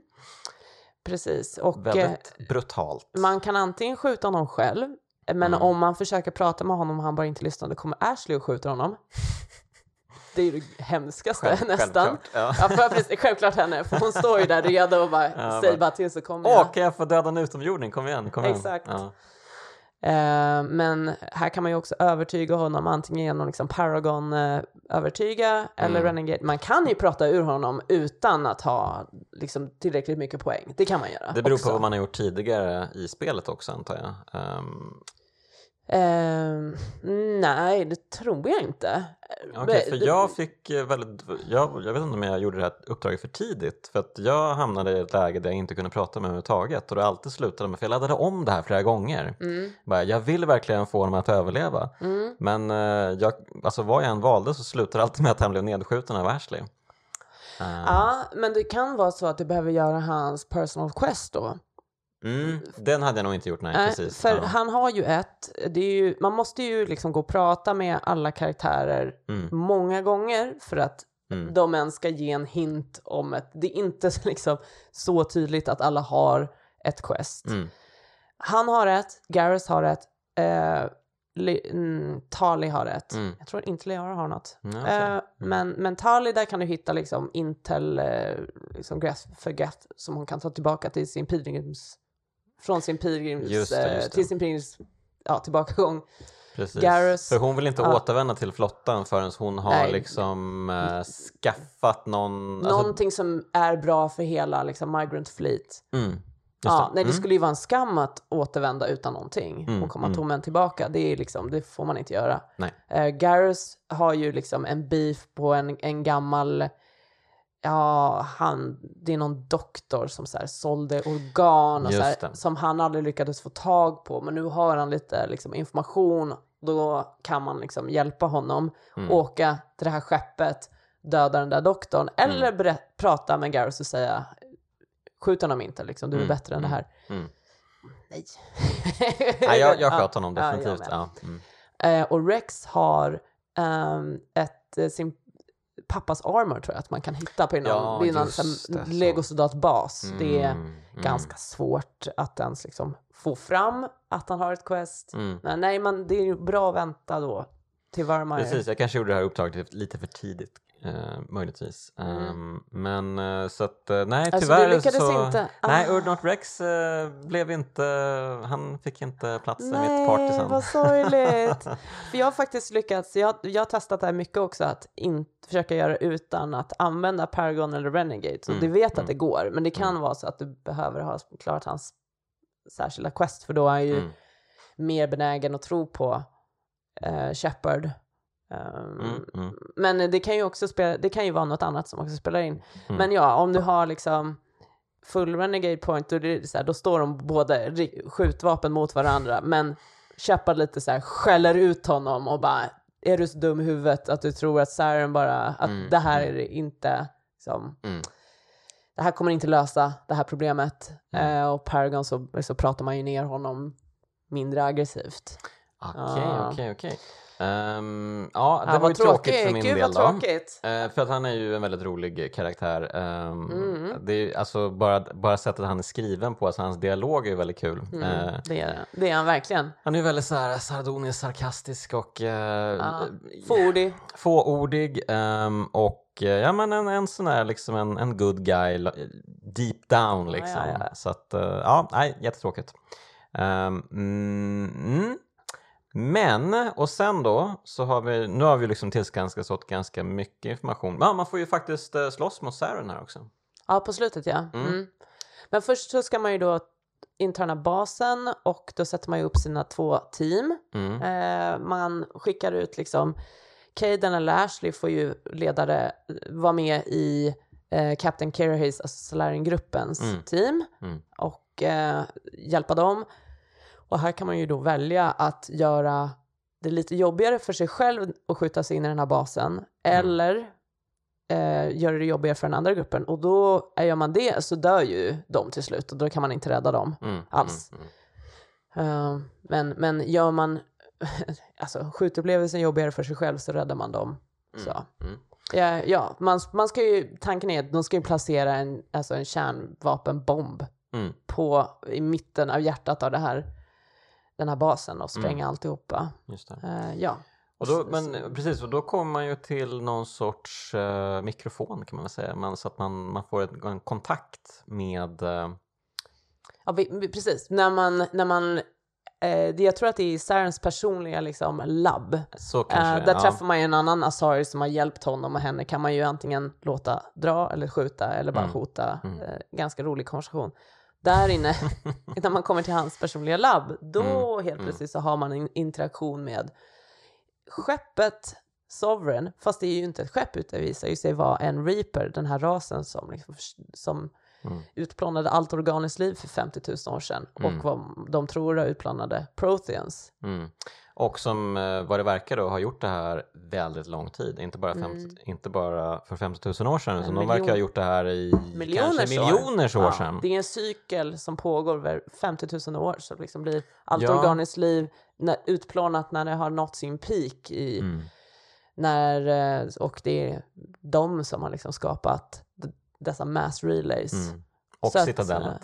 Mm. Ja, precis. Just Eh, Så det får vi reda på. Vi får reda på att det är ju Sovereign som indon- indoktrinerat Saren och Benessia, Mm. inte liksom, ja, så den entiteten, är, det är ju en, typ en AI, eh, Ja, eh, väl en, en maskinras, som, alltså- alltså AI, maskinstyrd Mm. kan man säga. Eh, och, men den är den enda som finns i det, alltså i galaxen som vad vi vet. Resten är liksom utanför Mm. galaxen i dark space och väntar på att komma in. De är väl typ nedstängda också och typ Ja, eh, bidar sin tid på att eh, nu kan vi äntligen åka och slakta lite Organens liv här. Mm. Ehm, och eh, det gör de ju ganska snabbt när de väl gör de här räderna då, Mm. eh, 50 000 års mellanrumsräderna. Ehm, så tar det väl bara ett par år så är de är klara med allt och sen så toppen. Och man Mm. vet inte exakt varför exakt varför de gör det här heller. Det är, liksom, det är lite dolt i dunkel. Mm. Eh, De, eh, antagligen så tjänar de väl någon sorts energi på det, men det behöver inte vara så. Det, det skulle kunna vara att det är något, kanske något religiöst för dem. Att, eh, alltså det finns Mm. många olika mm, teorier kring Mm. eh, exakt varför de pysslar med det här, utrotningen. Eh, så det är jättefascinerande tycker jag. Mm. Det är en jättebra liksom, eh, premiss för sci-fi det här. Mm. Um, så jättekul. Um, och Sovereign är ju en underbar baddie. Um, Mm. Han får ju väldigt mycket personlighet ändå, trots att det egentligen Ja, bara är en, verkligen. man, det är bara en röst man interagerar med egentligen och man ser det här uh, skräckinjagande skeppet också då, såklart. Men, Ja. men eh, verkligen bra skurk. Det är en väldigt, eh, jag gillar den här scenen jättemycket, Mm. när Shepard står och pratar med den här, ehm, det är någon typ av alltså, röd eh, hologram av Sovereign som hon Mm. pratar med. Och eh, Sovereign säger ju i princip att han beyond your comprehension, we are legion. Mm, mm. Eh, Klassiker. Mm, Ja. Mm, mm. Väldigt, väldigt cool. eh, Och det här är ju varför jag också gillar Shepard, för Shepard är så här, men jag ska spöa dig ändå, vi ska Mm, spöa dig ändå. mm, mm, mm. det är väldigt D- David Goliat eh, setup. Ja, verkligen. Eh, Mm. och eh, David i det här fallet är väl typ ett dammkorn och uh, Go- Goliat är väl eh, en planet typ. Ja. Ja. Så Lite det så. är ju väldigt upplysande. Eh, ja, det var häft, häftigt. Det här Mm. var häftigt första gången man spelar. Det var Ja, ja, riktigt men snygg absolut. reveal. Jättebra, jättebra skurk, jättebra reveal. Ehm, och eh, man får ju även då ha en envig mot Saren i slutet av den här banan. ehm, Mm. Efter att man har planterat bomben och eh, den har liksom börjat ticka. Mm. Ehm, och sen så delar man ju upp sig ytterligare. Ehm, Ja, man, eh, precis. man, man lämnar ju kvar en av sina, antingen är det väl Caden eller Ashley. Mm. Man får ju berätta, det beror ju på vem som man har satt på vilket team. Mm. Ant, är, har man, eh, ja, man får ju välja här vem det är som ska armera bomben och vem det är som Ja. är på det här är Captain Carriers team. Ja, och sen så får man, får man väl också välja om man ska tillbaka och rädda den som apterar bomben eller... Så med, om, sen, senast jag spelade så var många så, val alltså. Ja, jag vet. Så är det Caden så, som sitter och liksom armerar bomben och Shepard får in ett liksom, samtal från Ashley att nej, vi håller på att bli overwhelmed, vi behöver mer backup. Mm. Så då kan man, det här är när man har slagits mot Saren redan när han har dragit. Mm, Och sen då får man springa ut och ska försöka rädda dem. mm. Men då ringer Caden och säger att han har, håller på att bli attackerad med sin... Hallå, hallå? Ja. Och då är man ju så här, du kan inte rädda båda. Mm. Antingen så, så räddar du liksom Ashley eller Caden och så står man där och får ta ett eh, skitjobbigt beslut. Eller Jag tycker, för mig jag, inte så jobbigt Jag tycker beslut. inte att det var speciellt jobbigt. Alltså jag, jag tycker att båda är svintråkiga karaktärer. så jag bara, ja, jag skulle väl kunna typ uh, köra en slantsingling här liksom och bara, ja, så går vi vidare. Ehm, så att, eh, ja, jag, jag minns inte ens vem det var som dog. Jag, kanske Nej. att det var Ashley. Jo, det var nog Ashley. Alltså, jag gillade ju Caden också för att det är ju samma, här är återigen koppling till eh, Knights of the Republic, det är ju Ruffles Bard som gör rösten till honom och det är han som gör rösten till Carthon Nazi också. Mm, Okej. Så att jag gillade ju honom automatiskt. Ja, Därför ja, ja. så han, Mm. jag tänker nog att han har mer personlighet än Mm. vad han faktiskt har. Mm, mm. Men jag gillar ju absolut inte Ashley, så att hon, eh, jag tror aldrig har räddat henne. Nej men eh, det är väl en Renegade kanske om man ska köra pure Renegade-tanke liksom. Ja men en a fellow xenophobe. Ja, jag har så svårt för det. Alltså det spelar ingen, spelar ingen roll. Inte för att man måste vara xenofob om man ska köra Renegade, men eh, Mm. det är ändå lite i samma härad, får man väl ändå säga.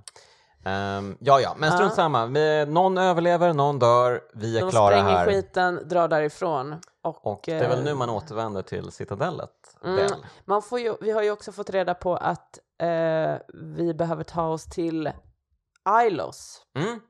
Just det. som Det är ju liksom den sista Prothean bastionen, får man väl säga. mm, Ehm, Nej men precis, man måste ta sig dit för att, eh, åh, det heter ju någonting, inte The Catalyst kanske det är. Mm, Att de, det det, det, det, är ja. det de letar efter och de Just vet inte vad det är men de lyckas, för det, Liara lyckas ta fram att The Catalyst finns på, på Mm. Ilos. Eh, Ilos i alla fall, men nu, hör, Mm. nu är det så att Normandy har blivit strandat på Citadellet just. Mm. och kan inte ta sig därifrån. De är superfrustrerade, vet att Saren är på väg och gör någonting jättedåligt eh, tillsammans med Sovereign. De, Shepard går väl till Council och säger att Machine Race etc. Det har hon ju sagt så många gånger, det är ingen som lyssnar. Är det ingen som tror på henne Nej, nej. Captain Anderson tror på henne, men det är det. Eh, Men eh, så träffar hon ju David Anderson då, eller ja, Captain Anderson i en bar och lägger upp en escape plan för att försöka stoppa Saren. Då får man väl ett val om man ska eh, gå till ambassadören, klubba ner honom och, Ja. eh, eller Captain Anderson ska göra det här då. Eh, Ja. Eller, ja jag minns inte ens vad det andra valet är, men det var det tråkigare Ja, valet. det är tråkigt. Då går man själv till liksom poliscentral högkvarteret och Okej. Mm. kodar om liksom Mm. Eh, landnings... Ja, så de släpper ut Normandy. Men Okej, ja, jag valde ambassadören i alla fall. Att, eh, han, det är kände- mycket, det mycket att, roligare. ja, men Det kändes som att han var förtjänt av en nosbränna. Absolut, liksom. man hatar ju, jag här hatälskar Udina för att han är så otroligt otacksam med allt han gör. Men han kräver bara en massa saker av en Mm. och sen gör han ingenting. Och han, bara, han är bara super liksom, överambitiös politiker som Mm. backstabbar en vilken chans man får. Verkligen. Så Ja. absolut, han förtjänar ju en eh, käftsmäll. Så jag, Mm. det är klart man väljer det. Och eh, då lyckas man fly då med Mm. The Normandy. Man blir väl typ eh, pariah. Eh, man, Ja, alltså rådet exakt. bannlyser väl en typ. Eh, men det skiter man i för nu är det ju dags för, ju. Det är dags för Ja. slutstrid nu. Ja, precis. För här får man ju också en romance-scen på väg till Ilos om man har romansat någon. Mm, Just det, just det. Det är så roligt att tänka på. Jag läste att när det här kom, liksom 2007, det var det värsta kontroversen. Att det är pornografi i spel. Kommer du ihåg det här? Ja, jag kommer ihåg det. här. Absolut, Så, jag kommer ihåg det. Det är så Mm. himla lite. Det är verkligen bara en sån kort scen och ändå så var det värsta ramaskriet. Och är det verkligen något naket att prata om? Lite halvnaket, bara lite hud egentligen. Ja, exakt. Så ja, det är superroligt med tanke på hur romance är en sån integrerad del i, liksom, Mm. kom nu även eh, i Assassin's Creed finns det ju till och med. Men Mm, eh, mm, mm. eh, definitivt i alla kommande Bioware- Bioware-spel efter Mass Effect så har Mm. Yes. det liksom bara blivit mer och större. Mm. Ja, men det är ju Eh, en jättestor del av spelen att Mm. man ska liksom bara oh, vem gillar jag här och vem ska jag försöka få ihop det Mm. med? och här Ehm, är det ju begränsat. Det är liksom, extremt begränsat. Jag trodde att det skulle vara fler val i ettan, men det är ju bara Mm. tre pers. Alltså Ja. två, Två. pers egentligen Två. då. Uh, beroende på om man väljer male eller female ja, shepherd. visst. Uh, tvåan har ju fler val men inte jättemånga. Nej. Trean har ju rätt många. Mm, mm. Men nej, här är det ju bara Kaden om du spelar tjej och Liara spelar du kille så är det Ashley och Liara. Mm. Så. Ja, tråkigt. Ehm, det blev ju Liara då för min del. Ja. Ehm, det brukar bli det mm, när jag spelar Mass Men det, det är roligt för att det är svårt att inte få till en romans alls. Mm. Det, då måste man aktivt vara jätteotrevlig. eh, Liara gillar ju en oavsett. Ja. Alltså, det, hon kan man typ inte, inte få något. Alltså, Det är jätte, jättesvårt. Ä- Även Kaden, jag har aldrig romansat Ashley så jag vet inte hur det är där. Men även om man inte är aktivt flörtig Mm. så tolkar han det ändå som flört. Så det är väldigt svårt. Man måste nästan inte prata med dem ja, om Mm. man inte vill ha en romance alls. Så att den, det är svårt att undvika. Och eh, det blir, har du varit med om kärlekstriangeln? Jag, jag har hört talas om den, men jag har inte varit med om den själv.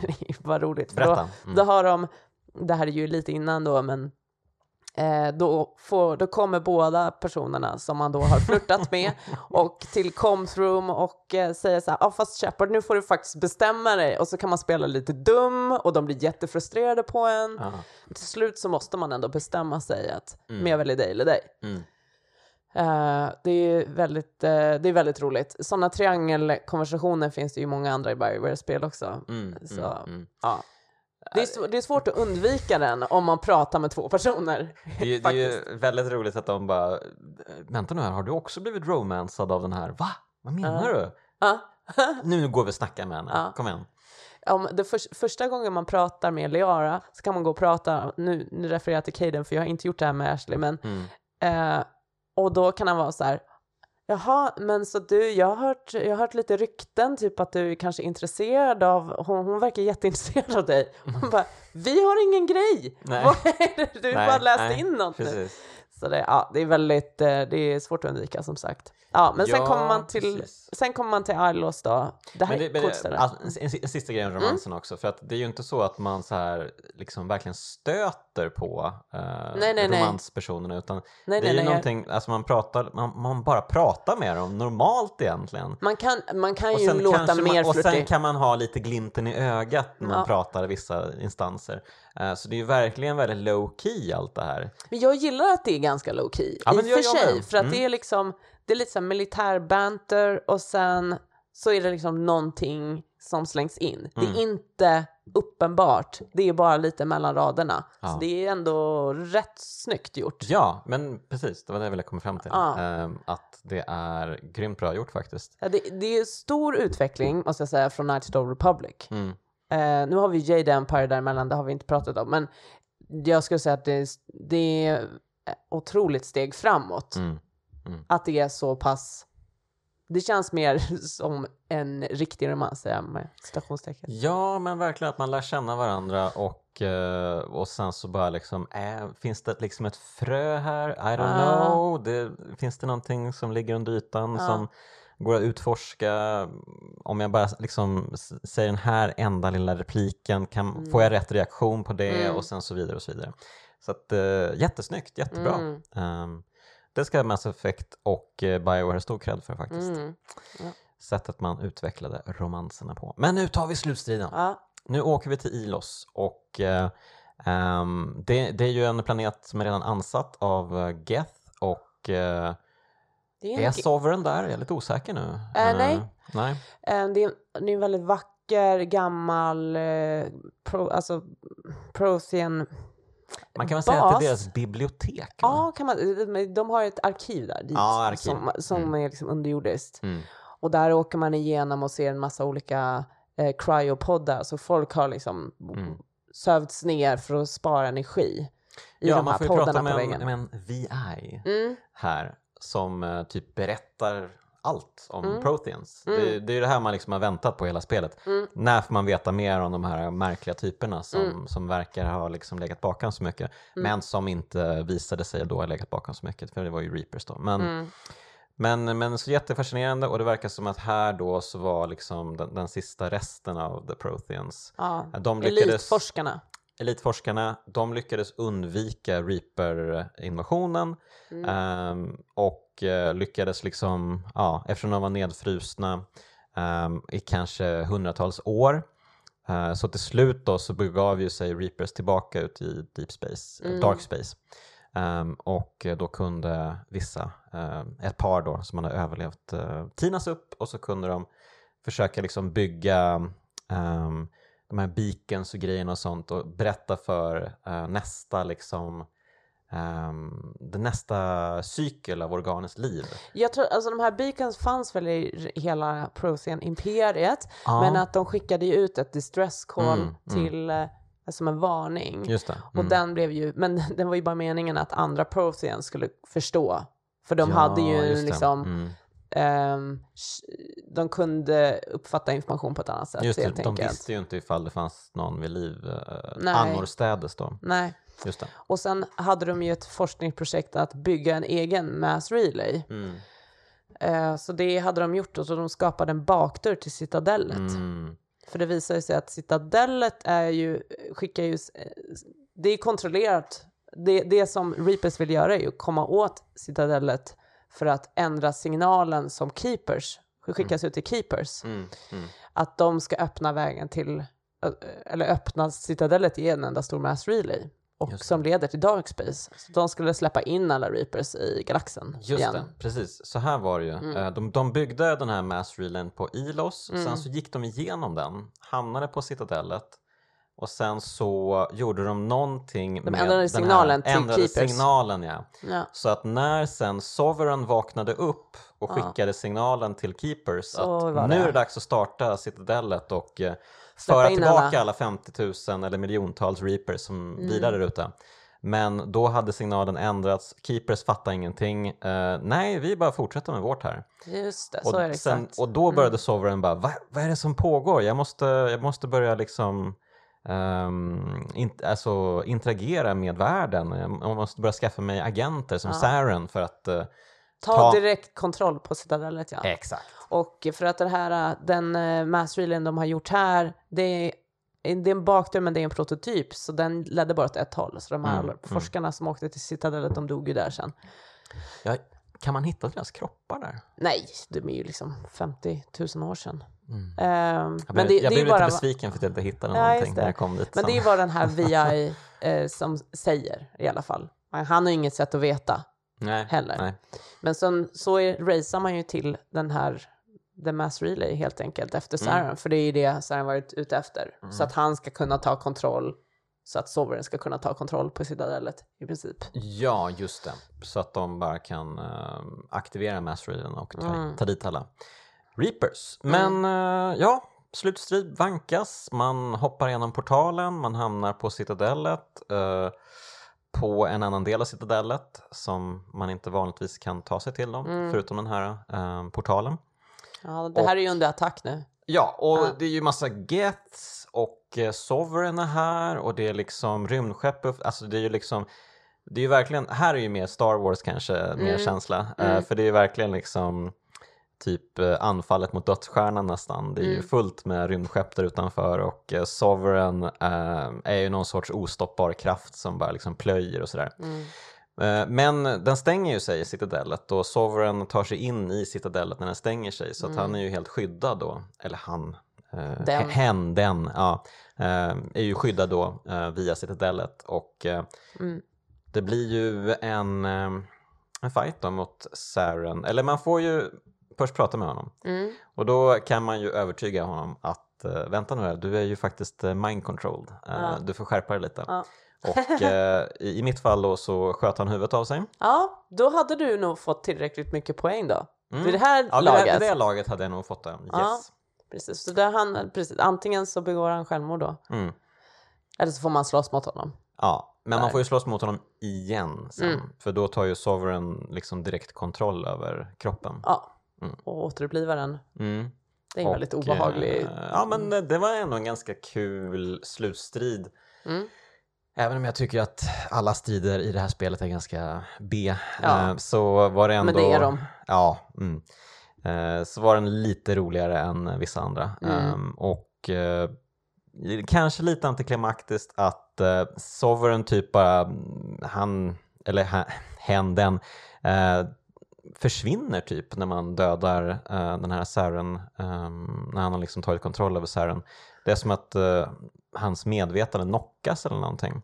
Mm. Och sen så släpper ju eh, citadellet, eh, när öppnar sig Mm. och så kommer rymdskeppen in och Mm. skjuter ner Sovereign. Ehm, så lite antiklimaktiskt kanske. Ja, jag förstår. jag tänkte inte på det.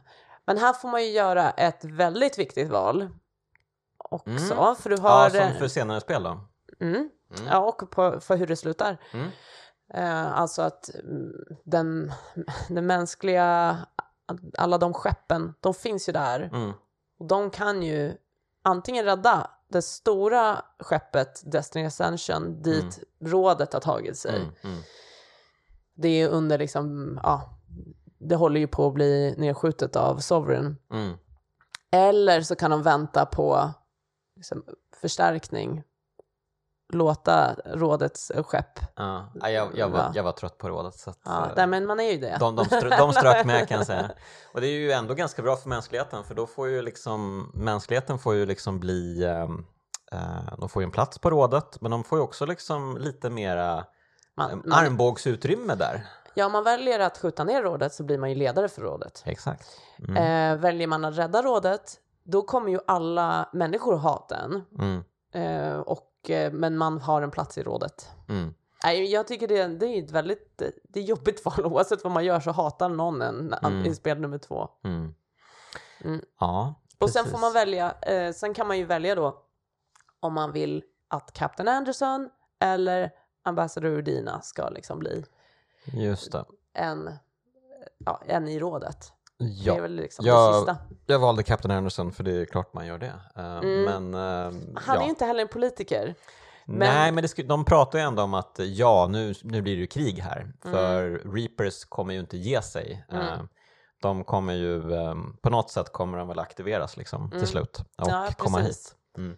Ja, jag, jag har valt båda. Det är ju, man gillar ju inte Udina, så jag vill ju inte ge honom en chans heller. Nej, det är sant. Ja, nej men det är ett... Eh, det finns mycket att säga om det här spelet. Alltså. Det, det har, den har... Eh, Jag har redan sagt ganska mycket, Ja. Eh, men absolut. det, är Ehm, inte, det är inte superlångt, det är inte som vissa andra rollspel. Det här, man kan ju... nej, Gud vad skönt det var att det var så kort eh, förhållandevis. Då. Ja, du Eh, sa att du spelade på 20 timmar. man kan spela det ännu snabbare tror jag. Ja, jag tror att man, om man bara kör main story, nästan inga sidequests, då är det 15 timmar kanske. Mm. Kanske ännu Mm. kortare. Mm. Det är inte superlångt och det är skönt. Om man gör med alla, alla sidequests tror jag att då är du uppe i 30 timmar Mm. kanske. Yes. Men då är det verkligen varenda liten samla alla sådana där pluppar. Och så. Okej, Men, mm. nej men så det är ju re- relativt kort i alla fall. Mm. Men eh, okej, men vad, vad känner du då, eh, Mass Effect? eh, vad har Mass Effect haft för effekt på spelmediet sen det släpptes? Alltså vi, vi har ju pratat om romanserna Mm. och hur de har liksom, och världsbygget här är ju otroligt häftigt. Det, det, Det, ju, det finns så mycket precis. Det är sån otrolig lore. Man kan, det, I spelet så kan du ju till och med gå in i kodexet mm, och eh, lyssna på när, när det är en voiceover som pratar och berättar hela liksom, mänsklighetens historia. Så här, det är det. ganska mysigt. ja, jag tycker också det. Ja, jag satt faktiskt ganska länge och lyssnade på grejer där. Ja. mm. Ehm, så definitivt ja, men är ju så otroligt välskrivet. Alltså eh, i, man får ju tänka på när det kom, Mm, eh, så i jämförelse med vad de har gjort sen Bioware så är det ju, känns det ju lite basic. mm, Men mm, mm. då var det ju liksom ändå enormt. eh, Det här jag- jag tror- dialog, dialoghjulet har ju en, i Mm. många spel som använder numera. Mm, mm. Ja, förlåt, det skulle du säga. Nej men alltså jag skulle vilja liksom eh, säga det ändå att världsbygget är exemplariskt, grymt. eh, karaktärerna tycker jag är fint skrivna. Mm. Men sen tycker jag kanske att de, de tappar lite i själva direktionen för saker och ting. Ehm, som sagt, jag var ju inte så jätte...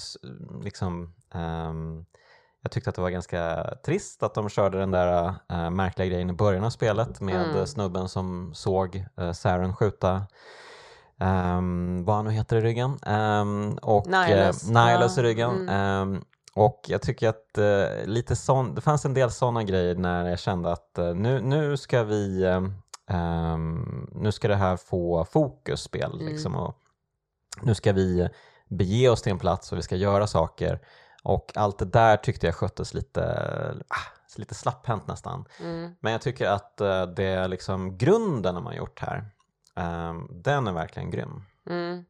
Um, allting, liksom låren, eh, det är verkligen otroligt häftigt. Ja, det, det är konsekvent, det hänger ihop. Och Mm. man förstår, liksom, det, det finns så mycket liksom, politiskt som är jätteintressant. Och De bara, det är ju bara liksom en väldigt, väldigt skrapa på ytan här första Mm, spelet. Mm, Saker som de går in på mycket mer än de andra två sen. mm, mm, mm. Eh, så det gillar jag. Jag gillar jag är väldigt förtjust i den här tanken att vet, ute i rymden så finns det ett mass relay som mänskligheten hittar och då öppnades liksom portarna Ja. till en, eh, liksom ett galaktiskt samhälle som där det redan fanns liksom parlament och allting. Mm, mm, eller hur? Eh, Ja, Det häftigt. finns redan ett system och vi var lite sist på bollen. Mm. Ja men Mm. precis, att man, man försöker liksom desperat ta sig in i den här nya världen ehm, och bli relevant där på något sätt. Men hur det Mm. har påverkat, jag tror just det, här hur man skriver en berättelse i, som är medryckande Mm. I spel som är liksom storyfokuserat så har den påverkat jättemycket. Också att det är ett liksom actionrollspel, att det inte bara är bara dialog, att det ska ändå vara en, en kombo. Du har ett karaktärsgalleri som förvisso är verkligen svagt om man jämför med Mm. de kommande spelen, men det, det är det som är också lite intressant hur eh, om, när man spelar, om man spelar tvåan och det är karaktärer som återkommer så har det, jag är liksom en, jag har ju byggt en relation med dem Mm. Mm. så jag kommer gilla dem nu mer automatiskt. Så finns det liksom någon typ av eh, grupps, vet inte, sociolo- eh, psykologi här. Mm. Att, men jag och min lilla grupp, det är ju, vi är ju tillsammans och det finns lojalitet mellan de här karaktärerna. Sen tror jag Commander Shepard som karaktär är ju, det här är ju varit genidraget nästan.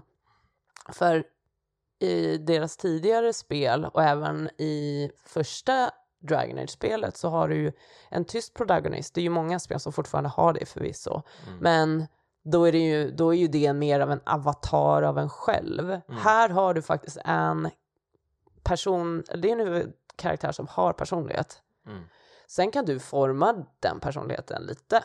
Mm. Så att om jag säger så här min Shepard, då vet jag ju vad jag menar. Mm. Men om jag pratar med någon annan som har spelat Mass Effect så säger de, nej men min Shepard är ju Paragon Male Shep. Mm. Min är en fem Renegade och ungefär det här. Mm. Så det finns en stark koppling med den huvudpersonen och att den har en röst.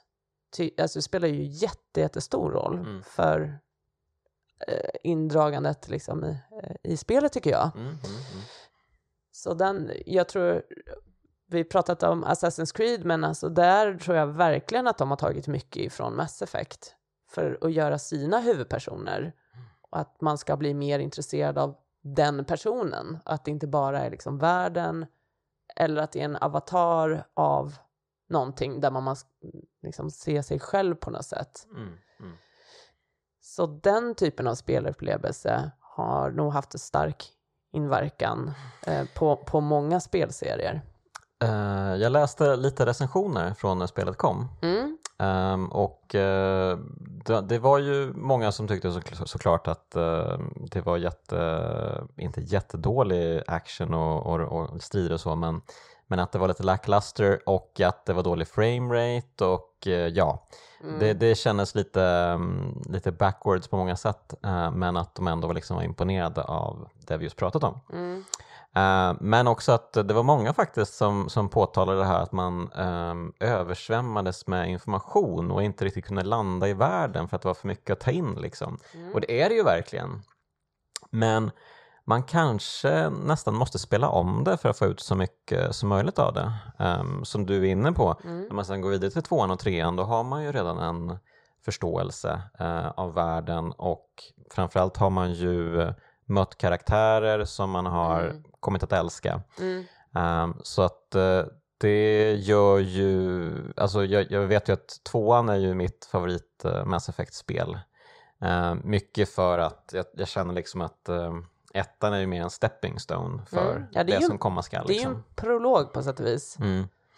Ehm, precis, och det känns ju lite det på vissa sätt också. Ehm, Mm. så det är ju liksom inte ett klockrent spel helt igenom. Nej, nej, Ehm, nej. Alltså gameplaymässigt är det ju verkligen svagt eh, och det var det ju redan för vad, 15 år sedan. Jo, Ehm, jo, jo. Men, men liksom storyn tycker jag nog nästan är bäst av alla tre Mass Mm. Effect-spel för att den är så, du har mycket for, det finns liksom, det är foreshadowing, man sätter upp de andra spelen mycket bättre. Tvåan Mm. har ju egentligen väldigt lite main story. Mm.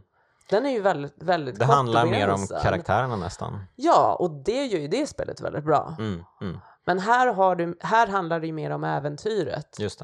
Mm.